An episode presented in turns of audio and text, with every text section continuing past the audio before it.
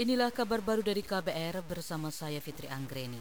Rumah Sakit Persahabatan Jakarta akan meningkatkan jumlah tempat tidur untuk ruang perawatan intensif atau ICU. Direktur Utama RSUP Persahabatan Rita Rogayah mengatakan penambahan itu khusus untuk pasien COVID-19 kategori berat. Selain itu kata dia akan ada peningkatan kapasitas tempat tidur hingga hampir dua kali lipat untuk pasien kategori sedang. Rumah Sakit Persahabatan akan meningkatkan ruangan ICU maksimal 16 tempat tidur. Tapi nanti akan didukung oleh rumah sakit-rumah sakit lainnya di sekitar DKI. Jadi kami akan meningkatkan lagi kapasitas untuk ICU-nya bisa meningkat menjadi lebih dari 100 tempat tidur. Direktur Utama RSUP Persahabatan Rita Rogayah mengimbau kepada RS di DKI Jakarta dan sekitarnya untuk merujuk pasien positif corona kategori sedang dan berat saja ke rumah sakit rujukan. Saat ini kasus positif COVID-19 yang bisa ditangani RS Persahabatan hanya sekitar 15 persen. Namun setiap harinya RS Persahabatan menerima hampir 80 pasien rujukan COVID-19 dari gejala ringan sampai berat. Komisi Hukum DPR membantah mempercepat pembahasan rancangan Undang-Undang Hukum Pidana RKUHP dalam satu pekan. Anggota komisi yang membidangi hukum DPR Taufik Basari mengatakan komisinya baru meminta pimpinan DPR memulai pembahasan lanjutan RUU yang sebelumnya pernah dibahas itu. Yang dimintakan oleh Komisi 3 adalah persetujuan dari paripurna bagi Komisi 3 untuk memulai pembahasan. Jadi tidak berarti satu pekan itu akan dikebut dan di diselesaikan ya bukan begitu tapi memulai pembahasan karena secara prosedural butuh persetujuan dari paripurna bagi komisi untuk memulai suatu pembahasan suatu rancangan undang-undang.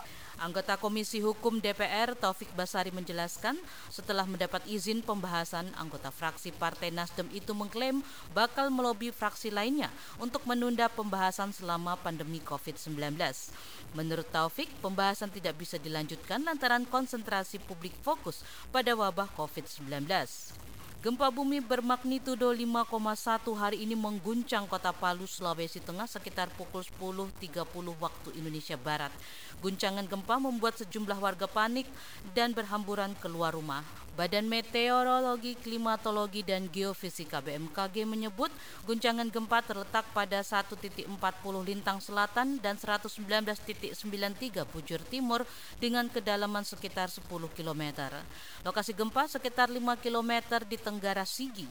Berselang sekitar 30 menit gempa susulan kembali terjadi di koordinat yang sama namun dengan kekuatan 2,6 magnitudo.